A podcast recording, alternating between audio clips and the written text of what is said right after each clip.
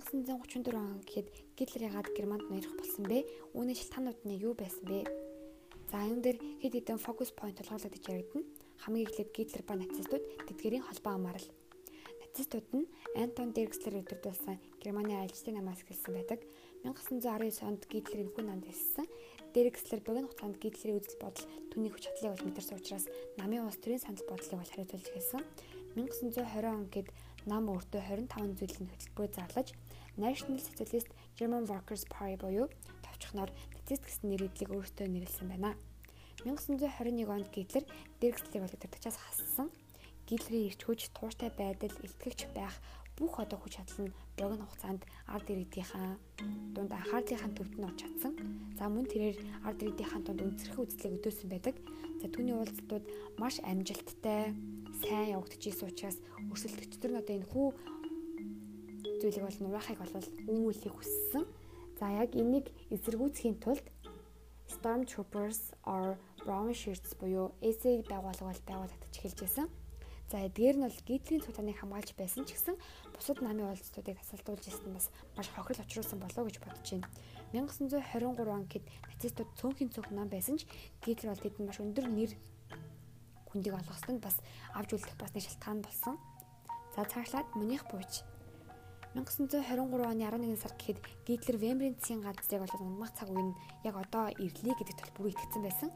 За яагаад гэх юм бол эдийн засгийн хямралтай байсан Вембрийн засгийн газар нөрөө 11-р сарын 8-нд Гитлер орон нутгийн засаг саргааны хурлыг бол босноосон гэж хэлж болно. Бавариан засгийн газрыг бол хүлээн авч байгаа энэ үед зарласан. За энэ үед Людендорф бол Гитлертэй нэгдсэн байдаг.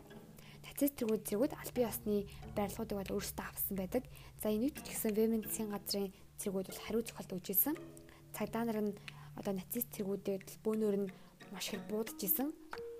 Бослого эмх замраагүй байдалд хүрсэн үеэр Гитлер бол энэ үед цугтсан байдаг. За харин Людендорф бол бусад одоо цэргүүдтэйгээ хамт цагдаа нартай нүүр тулж үлдсэн байдаг. Гитлер яг тэр үед Германы ард түмний сэтгэл санааг маш буруу тоцоолсон нь бол энэ үнэ сагдж байгаа. Хүмүүс түүнийг дэмжгээр ерөөсө босоогүй. За түүнийг болон бусад тэргүүлэх нацистуудыг барьжилж эх орноосоо урвсан иргээр бол буурдах гэсэн. За энэ үед Гитлер бол шүүгчдэд маш их сэтгэл төрүүлсэн учраас түүний хамтрагчдад маш хөнгөн ялтай үлдсэн. Людендорф бол бүхэлдэн чөлөөлж исэн. Тэгээ Гитлер тех орноосоо урвсан тохиолдол бүх тасаар нь хорих ял хонох ёстой гэсэн хувийн эрх зөөнүүдэд нь заасан ч ердөө 5 жилийн хорих ял хоносон байдаг. За гэтээ яг бодит байдал дээр 5 жил биш бүр 9 сарыг л одоо Ландсберг цаазд бол хоригдсан байдаг. Цаашлаад The Nazis in the Wilderness буюу Гитлерийн шоронд байх хугацааг бол харуулсан байдаг. 1924-өөс 1929 онд Гитлер шоронд байх хугацааг ашиглан Mein Kampf номыг бичгтээ Германы ирээдүйн талаарх үзэл бодлыг хавсгаж танилцуулсан байдаг. Тэрээр номондоо хэд хэдэн дүгнэлтийг гаргасан. За нийт нацистууд засгийн эрхийг хүчээр бол авах явж боломжгүй байна. За мөн тэд эрх мэдэл төрхийн тулд ардчилсан тогтолцооны хүрээнд ажиллах ёстой байсан ч засгийн эрхэнд гарсны дараа тэр нь бол системийг юусоо устгаж болохгүй зүйл юм а гэсэн дүгнэлт төржсэн. Шоронгоос гармац Гитлер бол нацист намыг ардчилсан аргаар засгийн эрхэнд аваачихын тулд сэргээн босгох ажилдаа маш хурдан, маш шаргуу болгож ирсэн. 1924 оны 5 дугаар сард анх удаа Рейхстагийн сонгуультай өрсөлдөж 32 суудлыг бол өөрсдөө авсан.